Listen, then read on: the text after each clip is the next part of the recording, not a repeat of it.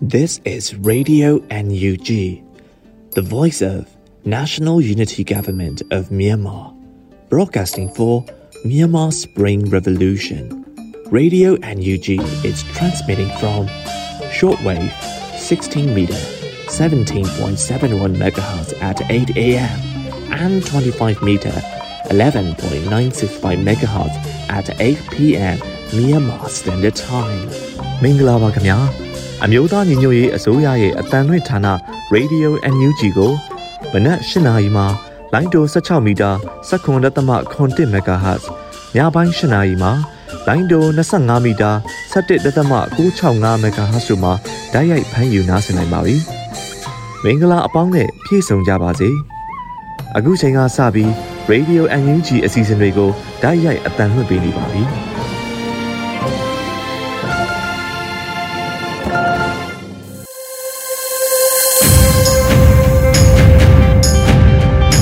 မြန်မာနိုင်ငံသူနိုင်ငံသားအပေါင်းတဘာဝပြီးစစ်အာဏာရှင်ဘေးတို့ကနေကင်းဝေးပြီးကိုစိတ်နှပါစမ်းမလုံးကြုံကြပါစေလို့ရေဒီယိုအန်ယူဂျီအဖွဲ့သားများကဆုတောင်းမေတ္တာပို့သလိုက်ရပါတယ်ရှင်။အခုချိန်မှစပြီးကာကွယ်ဝိညာဉ်ဌာနမှထုတ်ဝေသောစစ်ရေးတရေအကျဉ်းချုပ်ကိုတင်ဆက်ပေးသွားမှာဖြစ်ပါတယ်ရှင်။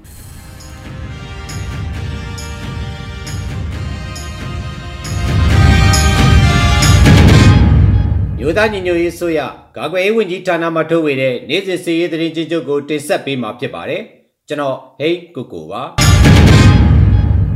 စစ်ကောင်စီနဲ့တိုက်ပွဲဖြစ်ပွားမှုသတင်းများအနေနဲ့ Sky တိုင်းမှာနိုဝင်ဘာ29ရက်နေ့ကရွှေဘုံမြို့နယ်အင်ဂျင်မေကျေးရွာဘက်မှာစစ်ကောင်စီတပ်များကို FFF အဖွဲ့နဲ့ KU မာမိတ်ညီကိုများမှမိုင်းဆွဲတိုက်ခိုက်ခဲ့ပြီး စစ်ကောင်စီတပ်များနဲ့ပြည်သူ့ကာကွယ်ရေးတပ်ဖွဲ့များအင်ဂျင်ပင်ရွာတင်းကြိုင်နီမှာ2နာရီကြာပြင်းပြင်းထန်ထန်တိုက်ပွဲဖြစ်ပွားခဲ့ပါတယ်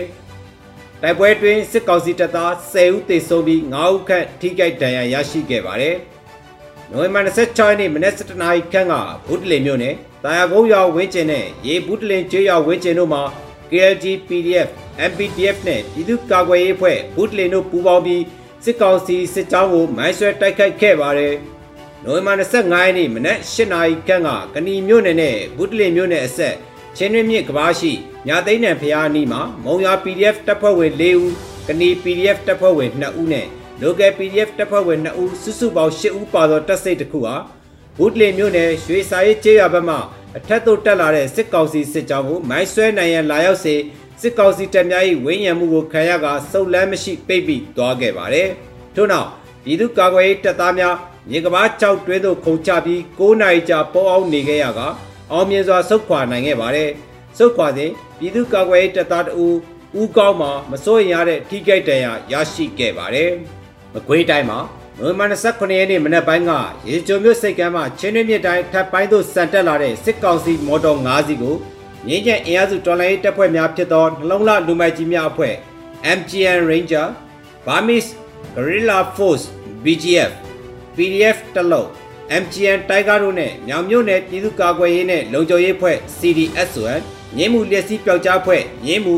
ညီနောင်မာမိန်များစီးလုံးညီညွတ်စွာပူးပေါင်းတိုက်ခိုက်ခဲ့ရာစစ်ကောင်စီတပ်သား၄ဦးသေဆုံးပြီးထိခိုက်မှုများခဲ့ပါတယ်စစ်ကောင်စီမှကျွလွန်တဲ့ရာဇဝတ်မှုများကတော့ရှမ်းပြည်နယ်မှာ နိုဝင်ဘာ29ရက်နေ့ကတောင်ကြီးမြို့နယ်ရွှေညောင်ဈေးအတွင်းဈေးရောက်နေသူများကိုအကြောင်းပြချက်မရှိနှစ်ရက်အတွင်းအပြီးပြောင်းရွှေ့ပေးရန်စစ်ကောင်စီတပ်သားများမှလာရောက်ဖိအားပေးခဲ့ပါတယ်။မွန်ပြည်နယ်မှာနိုဝင်ဘာ29ရက်နေ့မနက်2နာရီခန့်ကကြိုက်ထုံမြို့နယ်မုတ်ပလင်ကျေးရွာမှာကျဲစင်စီဆိုင်နဲ့ကျော်ဦးရဲ့နောက်ဘက်တောချန်တွင်နေထိုင်တဲ့တက်80ကျော်ဖွားစော့ကြီးမှာနေချံဝဲတွင်အပေါ်သွားရင်ဆင်းလာတဲ့ကျော်ဦးရဲ့အနောက်ဘက်မှာကင်းမုတ်ဝစ်နေတဲ့စစ်ကောင်စီတပ်သားများမှ တနက်နဲ့အဝေးမှပြစ်ခတ်မှုကြောင့်ဂျီတီမန်သေဆုံးခဲ့ပါတယ်။စကိုင်းတိုင်းမှာနိုဝင်ဘာ29ရက်နေ့နေ့လယ်တနာရီခန့်ကကလေးမြို့နယ်ကြောက်ပြုတ်တွင်ရှိသောစစ်ကောင်စီများအင်းကျွန်းရွာရှိပြည်သူပိုင်နေလုပ်ကိုမိရှို့ခဲ့ပါတယ်။နိုဝင်ဘာ26ရက်နေ့နေ့လယ်3နာရီခန့်ကကြောက်ပြုတ်ရွာသို့ရောက်ရှိတက်ဆွဲထားသောစစ်ကောင်စီတပ်များမှကြောက်ပြုတ်ရွာအနီးရှိမန်တာရွာမှနေပြီးလက်ကြီးရွာသို့လက်နက်ကြီးများနဲ့ပစ်ခတ်ရာကလေးတူသေဆုံးခဲ့ပါတယ်။ ဒီနေ့နိုင်တိုင်းမှာနိုဝင်ဘာ29ရက်နေ့မနက်4နာရီခန့်ကပေါ်တော်မြို့ရွှေပြည်သာရက်ကွက်မှာနေထိုင်သူမက်ဆန်ယရီနွေးနဲ့မိခင်ဖြစ်သူကိုအကြမ်းဖက်စစ်တပ်မှလာရောက်ဖမ်းဆီးသွားပြီးမိသည့်နေရာတွင်ဖမ်းဆီးသွားသည်မသိရသေးကြောင်းသိရပါတယ်။အကွေးတိုင်းမှာနိုဝင်ဘာ29ရက်နေ့မနက်9:15မိနစ်ခန့်ကနမ်မောက်မြို့နယ်တွင်းကြီးကျေးရွာရှိပြည်သူ၄ဦးကိုစစ်ကောင်စီမှ PDF နဲ့ဆက်သွယ်သူဆွဆွဲကမတရားဖမ်းဆီးသွားခဲ့ပါတယ်။ဖမ်းဆီးခံရသူများမှာ ကိုမျိုးစေရကျော်သည် CDM ကျောင်းဆရာဖြစ်ပြီးကိုမြက်ကိုကိုအောင်ကိုမင်းနဲ့ကိုအောင်ထွန်းနိုင်တို့သုံးဦးစလုံးမှာရွာမှာပင်နေထိုင်အလုပ်လုပ်နေသူများဖြစ်ကြပြီး PDF နဲ့အဆက်အသွယ်ရှိသူများမဟုတ်ဟုသိရပါတယ်။ရန်ကုန်တိုင်းမှာနိုဝင်ဘာ26ရက်နေ့ညနေ6နာရီခွဲအချိန်ကတွန်တေးမြို့နယ်အတွင်းရှိတပိတ်ကောင်းဆောင်ကိုထိုက်နေအိမ်ကိုစစ်ကောင်စီ30ကျော်ရောက်လာပြီးဤမြေနေရာနှင့်အဆောက်အဦသည်အကြမ်းဖက်အုပ်စု PDF အဖွဲ့အစည်းများနှင့် ပတ်သက်ဆက်ဆက်နေသောကြောင့်နိုင်ငံတော်ပိုင်သိမ်းဆည်းမည်ဖြစ်သည်ဟုဗနိုင်ဖြင့်ရေးသားထားခဲ့ပါတယ်။ ARD တိုင်းမှာနိုဝင်ဘာ26ရက်နေ့ည7:00နာရီခန့်ကဝါခဲမမြို့နယ် NLD ပါတီအတွင်းရေးမှူးဦးအောင်ကျွယ်ကိုဝါခဲမမြို့ Municipal လမ်းရှိ၎င်း၏နေအိမ်၌ရှိနေစဉ်စစ်ကောင်စီတပ်ဖွဲ့ဝင်များမှဖမ်းဆီးခေါ်ဆောင်သွားကြောင်းသိရပါတယ်။ဟုတ်ကဲ့ပါ။ခုသတင်းများကိုမြေပြင်သတင်းတာဝန်ခံများနဲ့ သတင်းဌာနများမှဖော်ပြလာတဲ့အချက်အလက်များပေါ်အခြေခံပြီးပြုစုထားတာဖြစ်ပါတယ်ခင်ဗျာ။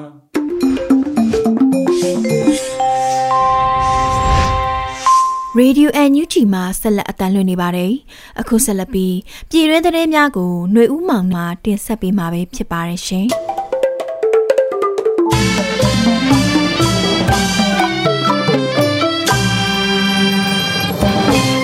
ယခုတင်ဆက်ပေးမှာကတော့နိုဝင်ဘာ29ရက်နေ့ကပြည်တွင်းသတင်းများပဲဖြစ်ပါတယ်ကျွန်တော်ကတော့ຫນွေဦးမောင်ပါပထမဦးဆုံးအနေနဲ့တရားတစ်နှစ်မြောက်အမျိုးသားအောင်ပွဲနေ့အခမ်းအနားကို NUG PVTV MOE တို့၏လူမှုကွန်ရက်စာမျက်နှာများနဲ့ PVTV MOE တို့၏ YouTube စာမျက်နှာများတွင် live ပြသသွားမည်ဖြစ်ပါကြောင်းအမျိုးသားညီညွတ်ရေးအစိုးရကသတင်းထုတ်ပြန်ထားပါတယ်။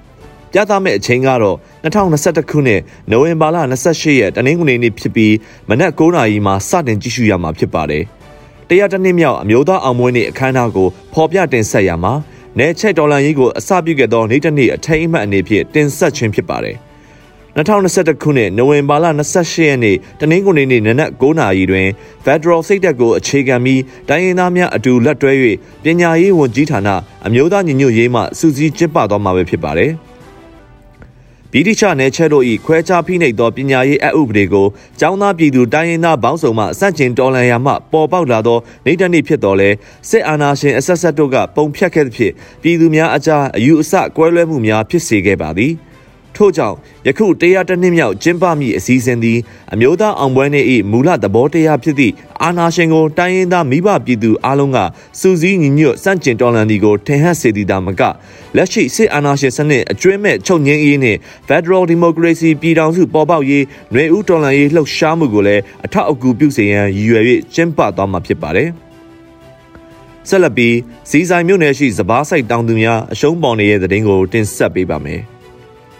ရမ်းပြည်တောင်ပိုင်းစီဆိုင်မြို့နယ်အတွင်းစပားဆိုင်တဲ့တောင်သူတွေဟာယခုနှစ်မိုးစရိုက်ရွာသွန်းတဲ့အပြင်စပားဈေးကွက်လည်းမရှိတာကြောင့်တောင်သူတွေအရှုံးပေါ်ခဲ့ရကြောင်းသိရပါတယ်။ရာသီဥတုဖောက်ပြန်မှုကြောင့်ယခုနှစ်အတွင်းမိုးစတိုက်ရွာသွန်းကစပားဆိုင်တောင်သူများအရှုံးပေါ်မှုဖြစ်နေကြပြီးတစ်ဖက်မှာလည်း COVID-19 ရောဂါရိုက်ခတ်မှုတန်းနဲ့နိုင်ငံရေးရှုပ်ထွေးမှုတွေကြောင့်ရေဩဇာဈေးနှုန်းများဈေးတက်တဲ့အပြင် စပားပေါ်ချိန်မှာစပားဈေးကွက်မရှိတာကြောင့်တောင်သူများအခက်အခဲကြုံတွေ့ခဲ့ရကြောင်းစီဆိုင်မျိုးကတောင်သူတဦးကပြောပါတယ်။ကျွန်တော်တို့တောင်သူတွေအတွက်အခက်အခဲအများဖြစ်တယ်။ဒီနှစ်ကမိုးရမ်းများတော့စပားတွေပျက်စီးတာတွေလည်းရှိတယ်။ပြီးတော့ကုန်စည်နှုန်းတွေတက်တော့လဲတဲ့မြေဩဇာထက်ရင်အရင်တောင်ပြန်မရဘူး။အခုစပားရိပ်ပြီးစပားဝယ်မဲ့သူတောင်မရှိဘူး။ဒီနှစ်အလုံးမဖြစ်တော့နောက်နှစ်အကျွေးတင်တာဘောလို့တောင်သူကပြောပါတယ်။တစ်တော်ပြုံးတိမှုတွေများလာတာကြောင့်ရာသီဥတုဖောက်ပြန်ခြင်း ဒေါတောင်များကိုဖျက်ဆီးပြီးပြောင်းများစိုက်ပျိုးခြင်းတွေလည်းရှိကြောင်းသိရပါတယ်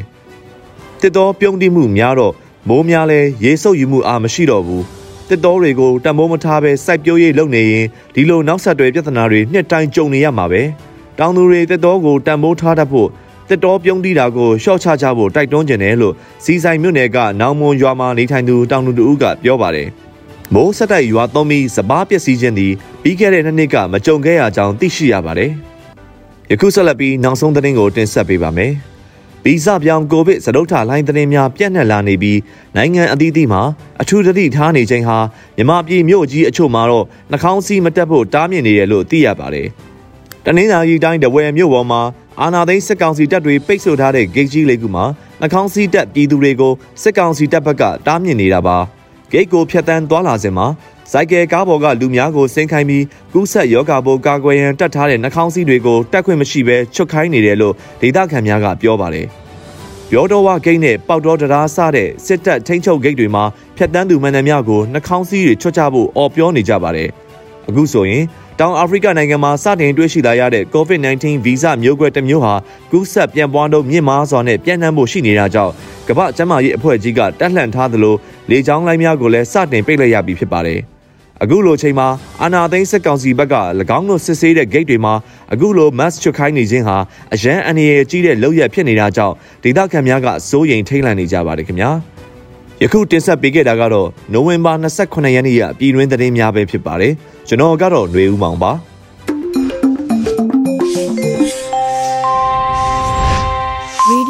ဒီယို NUG မှာဆက်လက်အတန်းလွှင့်နေပါတယ်။အခုဆက်လက်ပြီးတဝရေးသားသောအမိကလူငယ်ဆိုတဲ့ကြပြကိုຫນွေဦးမှုမှဖတ်ကြားတင်ဆက်ပေးမှာဖြစ်ပါတယ်ရှင်။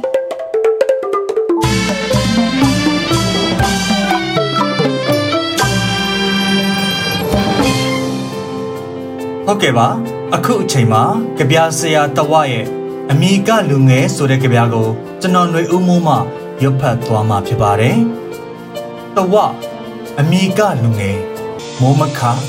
နိုဝင်ဘာ16 2021အမိကလူငယ်ပျောက်ရှသွားတဲ့အနာဂတ်ကနာမည်နဲ့မလိုက်16နှစ်ပြည့်နိုင်ငံသားမှတ်ပုံတင်မရှိသေးဘူးသူ့အဖေအသက်ထက်ကြီးတဲ့မတရားပုံမှားတွေတတိကြီးနဲ့ခွဲယူကြိုက်ခံနေရနိုင်ငံတော်က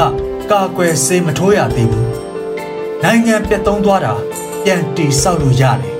လူငယ်တွေ မတရားဖန်ဆီးအကျဉ်းချခံနေရတာကြောင့်နိုင်ငံတော်ကိုကဘာမြေပုံပေါ်ကဖြောက်ပစ်တာလူငယ်ရဲ့နိုင်ငံရဲ့ကဘယ်တော့မှခွဲမရတဲ့အနာဂတ်လူငယ်တွေခွဲယူကြိုက်ခံနေရတယ်နိုင်ငံတော်လည်းခွဲဆက်ခင်းခံနေရတယ်ငါတို့လူငယ်ပဲငါတို့ပြန်ပေးပါငါတို့နိုင်ငံတော်ကိုငါတို့ဘာသာပြန်တီဆောက်လို့ရတယ်အမိကလူငယ်ဟုတ်ကဲ့ပါကျွန်တော်ຫນွေဦးမိုးပါခင်ဗျာ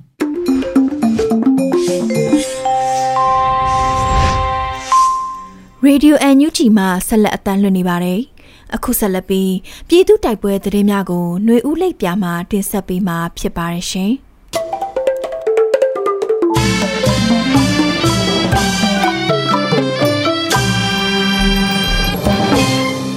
ပထမဦးစွာဖာပုံမြို့နယ်မထောကြီးရွာအနီးရှိစစ်ကောင်စီတပ်၏ယာယီတပ်စခန်းကို KNL ဝင်တိုက်လို့စစ်ကောင်စီတပ်သားများစခန်းဆွန့်ခွာထွက်ပြေးသွားတဲ့တဲ့ရင်ကိုတင်ဆက်မှာပါ။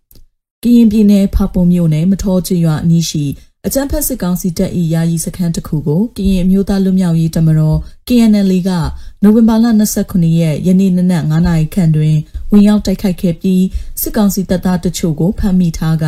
အချို့မှာစခန်းစွန့်ခွာထွက်ပြေးသွားကြောင်းသတင်းရရှိပါရယ်။အဆိုပါတိုက်ပွဲဟာနိုင်ဝက်ကျော်ကြာမြင့်ပြီးစစ်ကောင်စီတပ်မှဒေဆုံးမှုများရှိသလိုတပ်သား6ဦးကိုဖမ်းဆီးရမိကြောင်း KNL တပ်ဖွဲ့ဝင်တအူးကြဆုံးကြောင်း KNL သတင်းရင်းမြစ်များက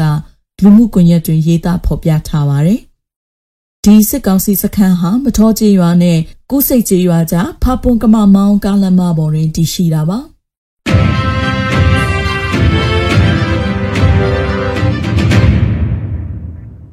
ဆက်လက်ပြီးမတူပီဟာခါလန်ထွေအုပ်ရုံတွင်တပ်ဆွဲထားသောစစ်ကောင်စီတပ်ဖွဲ့အား CDF မတူပီဝင်တိုက်လို့စစ်သား2ဦးသေဆုံး4ဦးဒဏ်ရာပြင်းထန်တဲ့သတင်းတင်ဆက်ပါမယ်။ ချင်းပြည်နယ်မတူပီဟာခါလန်မှာပေါ်ရှိဖနိုင်နှင့်ငလိုင်းရွာကြားတွင်အသစ်ဆောက်ထားသောခရိုင်ထွေအုပ်ရုံတွင်တပ်ဆွဲထားသည့်အကြမ်းဖက်စစ်ကောင်စီတပ်ဖွဲ့ကိုနိုဝင်ဘာလ29ရက်နနက်6နာရီခွဲ၌ Chinland Defense Force မတူပီကဝင်ရောက်ပစ်ခတ်တိုက်ခိုက်ခဲ့ပြီးစစ်ကောင်စီတပ်သား2ဦးသေဆုံးက၄ဦးဒဏ်ရာရကြောင်းချင်းဒေသကာကွယ်ရေးတပ်ဖွဲ့မတူပီကသတင်းထုတ်ပြန်ပါတယ်။စက်တင်ဘာလလကုန်ပိုင်းတွင် အကြမ်းဖက်စစ်ကောင်စီတပ်ကဖနိုင်နှင့်ငလိုင်ကျေးရွာအတွင်းသို့လက်နက်ကြီးလက်နက်ငယ်များရန်တမ်းပစ်ခတ်မှုကြောင့်အများပြည်သူနေအိမ်အချို့ပျက်စီးပြီးရွာလုံးကျွတ်ထွက်ပြေးတိမ်းရှောင်နေကြရကြောင်း CDF မတူပီထုတ်ပြန်ချက်တွင်ရေးသားဖော်ပြထားတာပါ။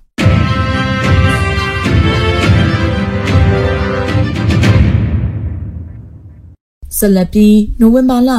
25-26ရက်စကိုင်းတိုင်းတိုက်ပွဲသတင်းအကျဉ်းချုပ်ကိုတင်ဆက်ပေးမှာပါ။ နိုဝင်ဘာလ25ရက်နေ့ကမြောင်မြို့နယ်တွင် မဟာမိတ်၅ဘွဲပူပေါင်းပြီးစစ်ကောင်စီတပ်များကိုမိုင်းခွဲရာစစ်သား9ဦးထပ်မံထိခိုက်ဒေဆုံးခဲ့ပါတယ်။မုံရွာမြို့နယ်ညောင်ဖြူပင်တောသွင်းတနေရာရှိ PDF စခန်းတစ်ခုကိုဝင်ရောက်စီးနင်းသည့်စစ်ကောင်စီတပ်များကိုမုံရွာလျက်စီးအဖွဲ့မုံရွာ Lightning PDF ကမိုင်းဆွဲရာစစ်ကောင်စီတပ်ဖွဲ့ဝင်၄ဦးသေဆုံးခဲ့ပါတယ်။ကဏီနဲ့ဘူးတနေမျိုးနယ် ဂျားကဏီပြည်သူ့ကာကွယ်ရေးတပ်ဖွဲ့ KPDF1 နှင့်အကြမ်းဖက်စစ်ကောင်စီတပ်ကြားနိုဝင်ဘာလ25ရက်ကတိုက်ပွဲဖြစ်ပွားပြီးစစ်ကောင်စီတပ်မှ10ဦးထပ်မံသေဆုံးသွားက PDF တအူးမစိုးရင်တန်ရာရရှိခဲ့ပါတယ်။တန့်စင်မျိုးတရားရုံးအနီးစစ်ကောင်စီတပ်ဖွဲ့ကိုမိုင်းဆွဲတိုက်ခိုက်ရာစစ်သားတအုပ်သေဆုံးပြီး2ဦးပြင်းထန်စွာဒဏ်ရာရရှိခဲ့ပါတယ်ရှင်။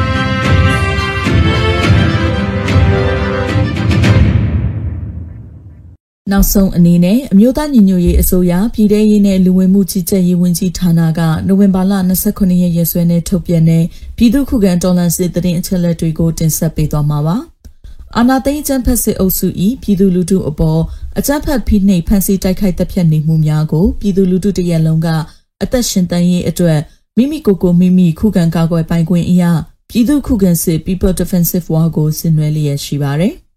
သတင်းချက်လက်များအရ26ရက်17လ2021ရက်နေ့တွင်စစ်ကောင်စီတပ်ဖွဲ့ဝင်88ဦးသေဆုံးပြီးထိခိုက်ဒဏ်ရာရရှိသူ34ဦးအထိခုခံတိုက်ခိုက်နိုင်ခဲ့ပါတယ်။စစ်အာဏာရှင်စနစ်မြမမြေပေါ်မှအပြည့်တိုင်ချုပ်ငြိမ်းရေးနဲ့ Federal Democracy တည်ဆောက်ရေးအတွက်ငြိမ်းချမ်းစွာဆန္ဒပြသည့်လူထုတပိတ်တိုက်ပွဲများကပြည်내နဲ့တိုင်းဒေသကြီးများမှာဖြစ်ပွားပေါ်ပေါက်လျက်ရှိပါတယ်။မြေပြင်မှာယခုတွေ့ရတဲ့သတင်းအချက်အလက်များထက်ပို၍ဖြစ်ပွားနိုင်ပါတယ်ရှင်။ Radio NUG မှာဆက်လက်အတန်းလွှင့်နေပါတယ်။အခုဆက်လက်ပြီးနေ့စဉ်သတင်းတင်ဆက်မှုကိုမှတ်နှမ်းဖြုံမှတင်ဆက်ပေးမှာဖြစ်ပါတယ်ရှင်။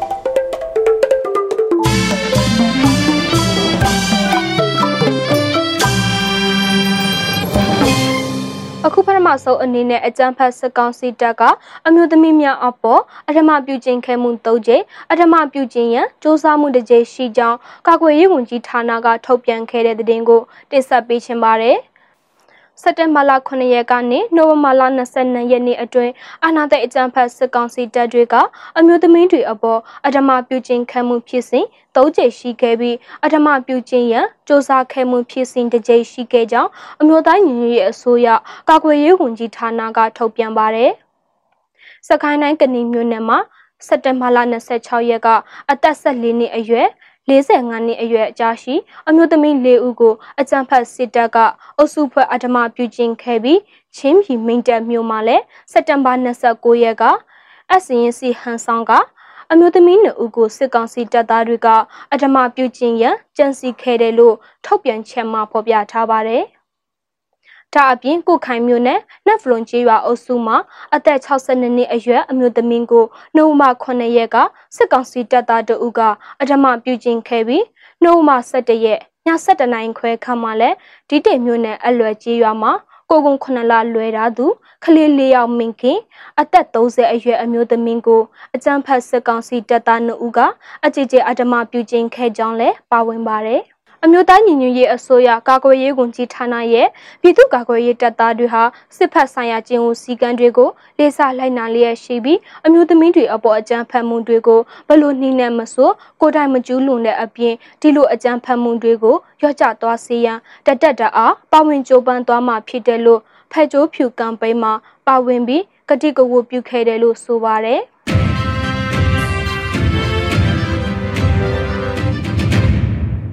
ဆက်လက်ပြီးစစ်ကြုံမခံဘူးညင်းဆအမျိုးသားနှင့်လူထုလှုပ်ရှားမှုရက်သက်တပတ်ကိုနိုဝင်ဘာ29ရက်မှာစတင်ခဲ့တဲ့တဲ့င်းကိုတင်ဆက်ပေးချင်ပါတယ်။တရားတနှင်းပြီးအမျိုးသားနှင့်အထိတ်အမှတ်အဖြစ်ဘူးတပိတ်လို့ခေါ်တဲ့လူထုလှုပ်ရှားမှုထဲမှာရန်ကုန်လူထုအနေနဲ့စစ်တပ်ထောက်တိုင်းနဲ့စစ်တပ်ပိုင်းရင်လိုင်းတွေဖြစ်တဲ့ပါရမီနဲ့ Omnifocal ရင်လိုင်းတွေမစည်းဆိုတဲ့လှုပ်ရှားမှုလည်းပါဝင်ပါတယ်။ စစ်ကောင်စီထောက်တိုင်တွေဖြစ်တဲ့ပါရမီနဲ့ Omnifoc ကရင်လိုင်းတွေကိုတပတ်တီတီတပိတ်မောင်းမဲ့ရန်ကုန်လူထုလှုပ်ရှားမှုဟာဒီဇင်ဘာ၄ရက်နေ့အထိရက်သက်တပတ်ကြာမြင့်များဖြစ်ပါတယ်။ရန်ကုန်လူထုအနေနဲ့စစ်တပ်ပိုင်းပါရမီရင်လိုင်းတွေဖြစ်တဲ့ YBS စနစ်73 14 25 30 30 38 55ရင်လိုင်းတွေနဲ့ Omnifocal ရင်လိုင်းတွေကိုမစီးပဲဘူးညီးဆန်ပြီးဘူးတပိတ်မောက်ကြဖို့ဒီရင်လိုင်းတွေကိုစီးနှင်းချင်းတဲ့အခြားနီလန်းတွေကိုရေးချဲပြီးနှစ်စစ်စီးဖို့လိုလင်နှစ်စစ်စင်ပေးကြဖို့လက်စားမှုအောင်မြင်ရေးဂျိုပန်းနေသူတွေကတိုက်တွန်းထားပါတယ်ကိုင်းပိုင်စင်တွေအနေနဲ့လည်းရင်လိုင်းတွေကိုတပိတ်မောင်ကြမဲ့ပြည်သူတွေကိုလမ်းကြုတ်ကားကြုတ် ခေါ်တင်ခြင်းဖြင့်ပြည်သူချင်းကုညီကြဖို့တိုက်တွန်းထားသလိုတက်စီကားဆရာတွေအနေနဲ့လည်းဘူးတပိတ်ဆင်နွှဲကြမယ်ပြည်သူတွေကိုတက်တာတဲ့နှုံထားနဲ့ပို့ဆောင်ပေးဖို့တိုက်တွန်းထားပါတယ်တန်းနဲ့ချီတဲ့ရန်ကုန်လူထုရဲ့လှုပ်ရှားမှုနဲ့စစ်တပ်ထောက်တိုင်တွေစစ်တပ်ပိုင်စီးပွားရေးလုပ်ငန်းတွေကိုပြို့ပြက်အောင်ဆောင်ရွက်ကြဖို့လဲနှိုးဆော်ထားတာကိုတွေ့ရပါတယ်။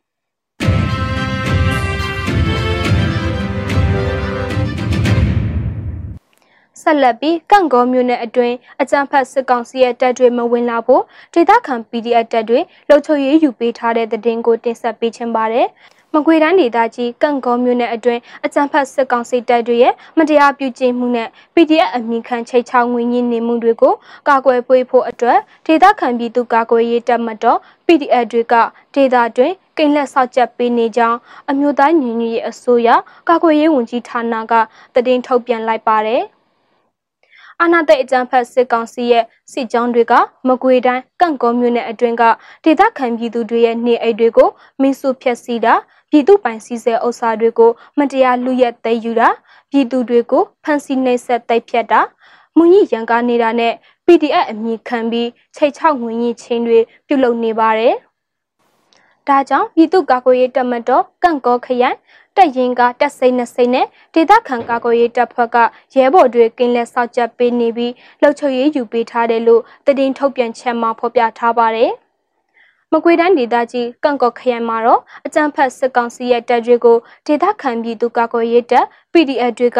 အနိုင်တိုက်ပြီးနေမြေဒေသစိုးမိုးမှုကိုရယူထားနိုင်တယ်လို့သိရပါတ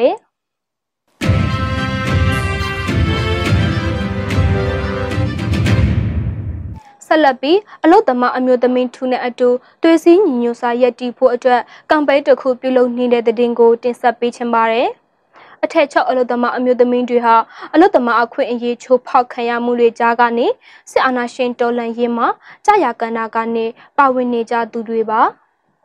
ဒီလိုမျိုးအကြက်အတက်တွေကြားကနေတော်လန်ရေးအတွက်အထက်ချော့အလုသမားတွေနိုင်ရဝန်ထမ်းတွေထမ်းဆောင်ခက်ကြသူတွေမို့အလုသမားအမျိုးသမီးထုနဲ့အတူသွေးစည်းညီညွတ်စွာယက်တီဖို့အရင် Sister to Sister Campaign ကိုနိုဝင်ဘာ25ရက်ကနေဒီဇင်ဘာ10ရက်အထိ16ရက်ကြာပြုလုပ်လျက်ရှိတယ်လို့သိရပါတယ်။အဲ့ဒီ16ရက်တာကမ်ပိန်းကို16 day of activity ဆိုပြီး Facebook မှာလှုပ်ဆောင်နေတာပါ။ အလုတ်သမားတွေဟာလူမှုပြောင်းလဲရေးနဲ့တန်းတူညီမျှအခွင့်အရေးတွေအတွက်နှစ်ပေါင်းများစွာကြာအောင်တိုက်ပွဲဝင်နေသူတွေပါဆရာနာရှင်လက်ထက်မှာလည်းအလုတ်သမားထုရဲ့တိုက်ပွဲတွေအတွက်လူထုကိုအသိပေးဖို့အခုလိုကမ်ပိန်းပြုလုပ်ရတာဖြစ်တယ်လို့ကမ်ပိန်းဦးဆောင်သူတွေကပြောပါတယ်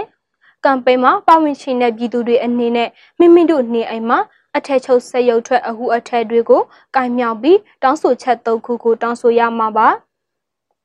တောင်းဆိုရမှတွေကတော့အထက်ချုပ်စက်ရုပ်ပိုင်စင်များအထုအခွင့်အရေးရနေတဲ့အပြစ်ကင်းလူခွင့်အစုပ်သက်ရန်အမျိုးသမီးအခွင့်အရေးနဲ့အလုတ်သမားအခွင့်အရေးတို့ကိုလေးစားလိုက်နိုင်ရန်အာဏာစင်စနစ်ကိုပြည်သူတွေကအထက်ချုပ်အလုတ်သမားတွေကဲ့သို့ရင်ဆိုင်တော်လှန်ကြဖို့တို့ဖြစ်ပါတယ်။ဒါအပြင် မိမိတို့ပတ်ဝန်းကျင်မှာရှိတဲ့အလုပ်သမားတွေရဲ့လက်တွေ့မြေပြင်အခက်အခဲတွေကိုကုညီကြဖို့နဲ့လူမှုကွန်ရက်တွေမှာအထက်ချုပ်အလုပ်သမားတွေကိုကော်ပြုကျေစုတင်စကားတွေရေးသားပေးဖို့အတွက်လဲကမ်ပိန်းစီစဉ်သူတွေကတောင်းဆိုထားတာကိုတွေ့ရပါတယ်။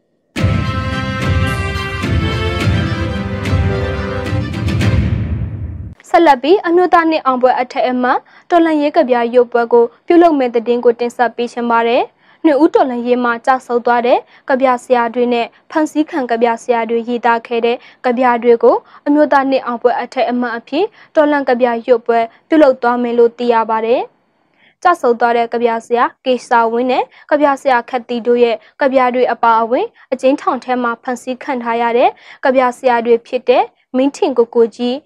မောင်ယူပိုင်လူဖန်ခါနဲ့မျိုးတည်စားမောင်တို့ရဲ့ကဗျာတွေကို ရွတ်ဆိုသွားကြမယ်လို့တည်င်းထုတ်ပြန်ချက်မှာဖော်ပြထားပါတယ်။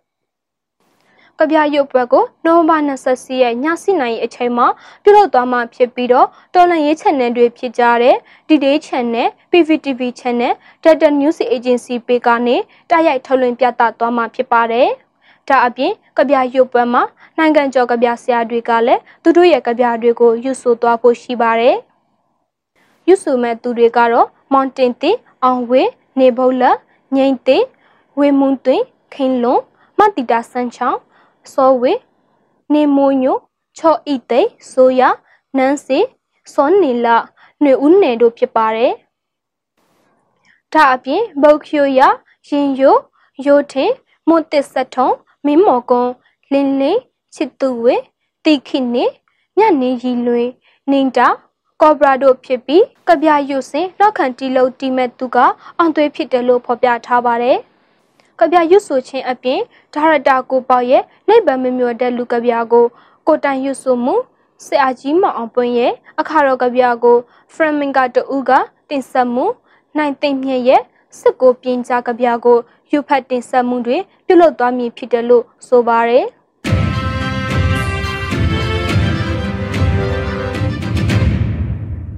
နောက်ဆုံးအနေနဲ့မြန်မာနိုင်ငံတဝန်ကလူမျိုးပေါင်းစုံဘာသာပေါင်းစုံပါဝင်တဲ့ရှစ်အာနာရှင်အမြင့်ပြတ်ချေမုံရေးလူထုဆန္ဒပြပွဲတည်င်းတွေကိုစုစည်းတင်ဆက်ပေးမှာဖြစ်ပါတယ်။စကိုင်းတိုင်းကလေးမျိုးကတော်လန်ပြည်သူတွေဟာစစ်အာဏာရှင်ကိုစန့်ကျင်တော်လှန်တဲ့ရပ်ပေါင်း293ရက်မြောက်နေ့အဖြစ်ပြည်သူဟာလက်ထက်ကဖန်ကွဲစားပဲစောက်ရဲရင်စောက်ကြဆန်းဆိုတဲ့စစ်အာဏာရှင်စန့်ကျင်ရေးစာရွက်ကိုကင်ဆောင်ပြီးဆန္ဒပြခဲ့ကြပါတယ်။ စကိုင်းတိုင်းရွှေဘိုမြို့နယ်ကြေရတရွာကတော်လန်ပြည်သူတွေဟာအနူးကြီးအစိုးရနဲ့ PDF တပ်ဖွဲ့ဝင်တွေကိုထောက်ခံကြိုးဆိုကြောင်းနဲ့ရှီအာနာရှိအမြင့်ပြည့်ချေမုံရေးချစ်တက်ဆန္ဒပြခဲ့ကြပါတယ်။စကိုင်းတိုင်းစာလင်းကြီးမြို့နယ်လက်ပတောင်တောင်ဒေသကတောင်သူအမျိုးသမီးတွေဟာအမျိုးသမီးတွေအပေါ်အကြမ်းဖက်မှုပပျောက်ရေး16ရက်တာလှုပ်ရှားမှုအနေနဲ့ဖက်ကြိုးဖြူတက်ဆင်းပြီးလဲလှုပ်ရင်ဆန္ဒထုတ်ဖော်ခဲ့ကြပါတယ်။ မကွေးတိုင်းမြိုင်မြို့နယ်ကပြည်သူတွေဟာအကြမ်းဖက်စစ်တပ်ကိုစန့်ကျင်တော်လှန်တဲ့အနေနဲ့ပြည်သူ CDN ဘူးတပိတ်နဲ့ဆက်တော်လှန်ဆိုတဲ့တော်လှန်ရေးစာရွက်တွေကင်ဆောင်ပြီးတပိတ်မောင်းခဲ့ကြပါတယ်။မောင်ရွာမြို့အခြေခံပညာကျောင်းသားများတမကဘကတများအဖွဲ့ချုပ်ခလူငယ်တွေဦးဆောင်ပြီးအကြမ်းဖက်စစ်အာဏာရှင်အမြင့်ပြည့်ချေမုံရေးချစ်တဲ့ဆန္ဒပြခဲ့ကြပါတယ်။ မန္တလေးမြို့စက်မှုတပိတ်စီကြောင်းကလူငယ်တွေဟာမန္တလေးမြို့အဝင်ဆိုင်ပုံမှာအာနာစင်စရိုက်ဆိုအမိုက်မျိုးရိုက်ချိုးကြဆိုတဲ့စာတန်းကိုချိတ်ဆွဲပြီးစစ်အာဏာရှင်စံကျင်ရေးဆန္ဒပြခဲ့ကြပါတယ်။ ကချင်ပြည်နယ်ဖားကံမြို့တိုင်းသားလူမျိုးပေါင်းစုံတပိတ်စီကြောင်းကတော်လက်အမျိုးသမီးတွေဟာ KIA နဲ့ PDF တိုက်ပွဲတိုင်းမှာနိုင်ပါစေဆိုတဲ့ကြွေးကြော်တန်တွေနဲ့အတူ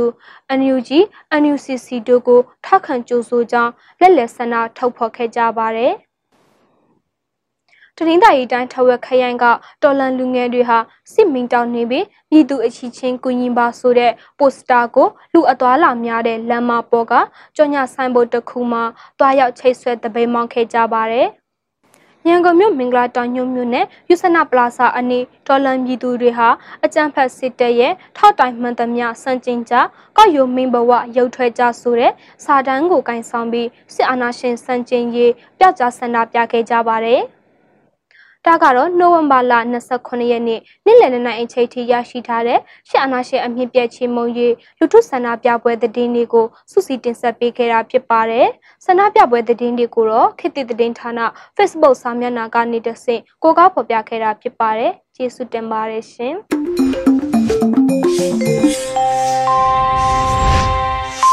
ဒီကနေ့တော့ဒီညနေပဲ Radio NUG ရဲ့အစီအစဉ်တွေကိုခਿੱတရနာလိုက်ပါမယ်။မြန်မာစံတော်ချိန်မနက်၈နာရီနဲ့ညနေ၈နာရီအချိန်တွေမှာပြန်လည်ဆုံတွေ့ကြပါစို့ Radio NUG ကိုမနက်၈နာရီမှာလိုင်းဒို16မီတာ19.7 MHz ညပိုင်း၈နာရီမှာလိုင်းဒို25မီတာ17.665 MHz တို့မှာဓာတ်ရိုက်ဖမ်းယူနာဆင်နိုင်ပါပြီမြန်မာနိုင်ငံသူနိုင်ငံသားများကိုစိတ်နှဖျားချမ်းမာချမ်းသာလို့ဘေးကင်းလုံခြုံကြပါစေလို့ Radio NUG ဖွဲ့သူဖွဲ့သားများကဆုတောင်းလိုက်ရပါတယ်။မြို့သားညီညွတ်ရေးအစိုးရရဲ့ဆက်သွယ်ရေးသတင်းအချက်အလက်နဲ့ဤပညာဝန်ကြီးဌာနကထုတ်လွှင့်နေတဲ့ Radio NUG ဖြစ်ပါတယ်။ San Francisco Bay Area အခြေစိုက်မြန်မာမိသားစုများနဲ့နိုင်ငံတကာကစေတနာရှင်များလှူအားပေးများရဲ့ Radio NUG ဖြစ်ပါတယ်။အရေးတော်ပုံအောင်ရမည်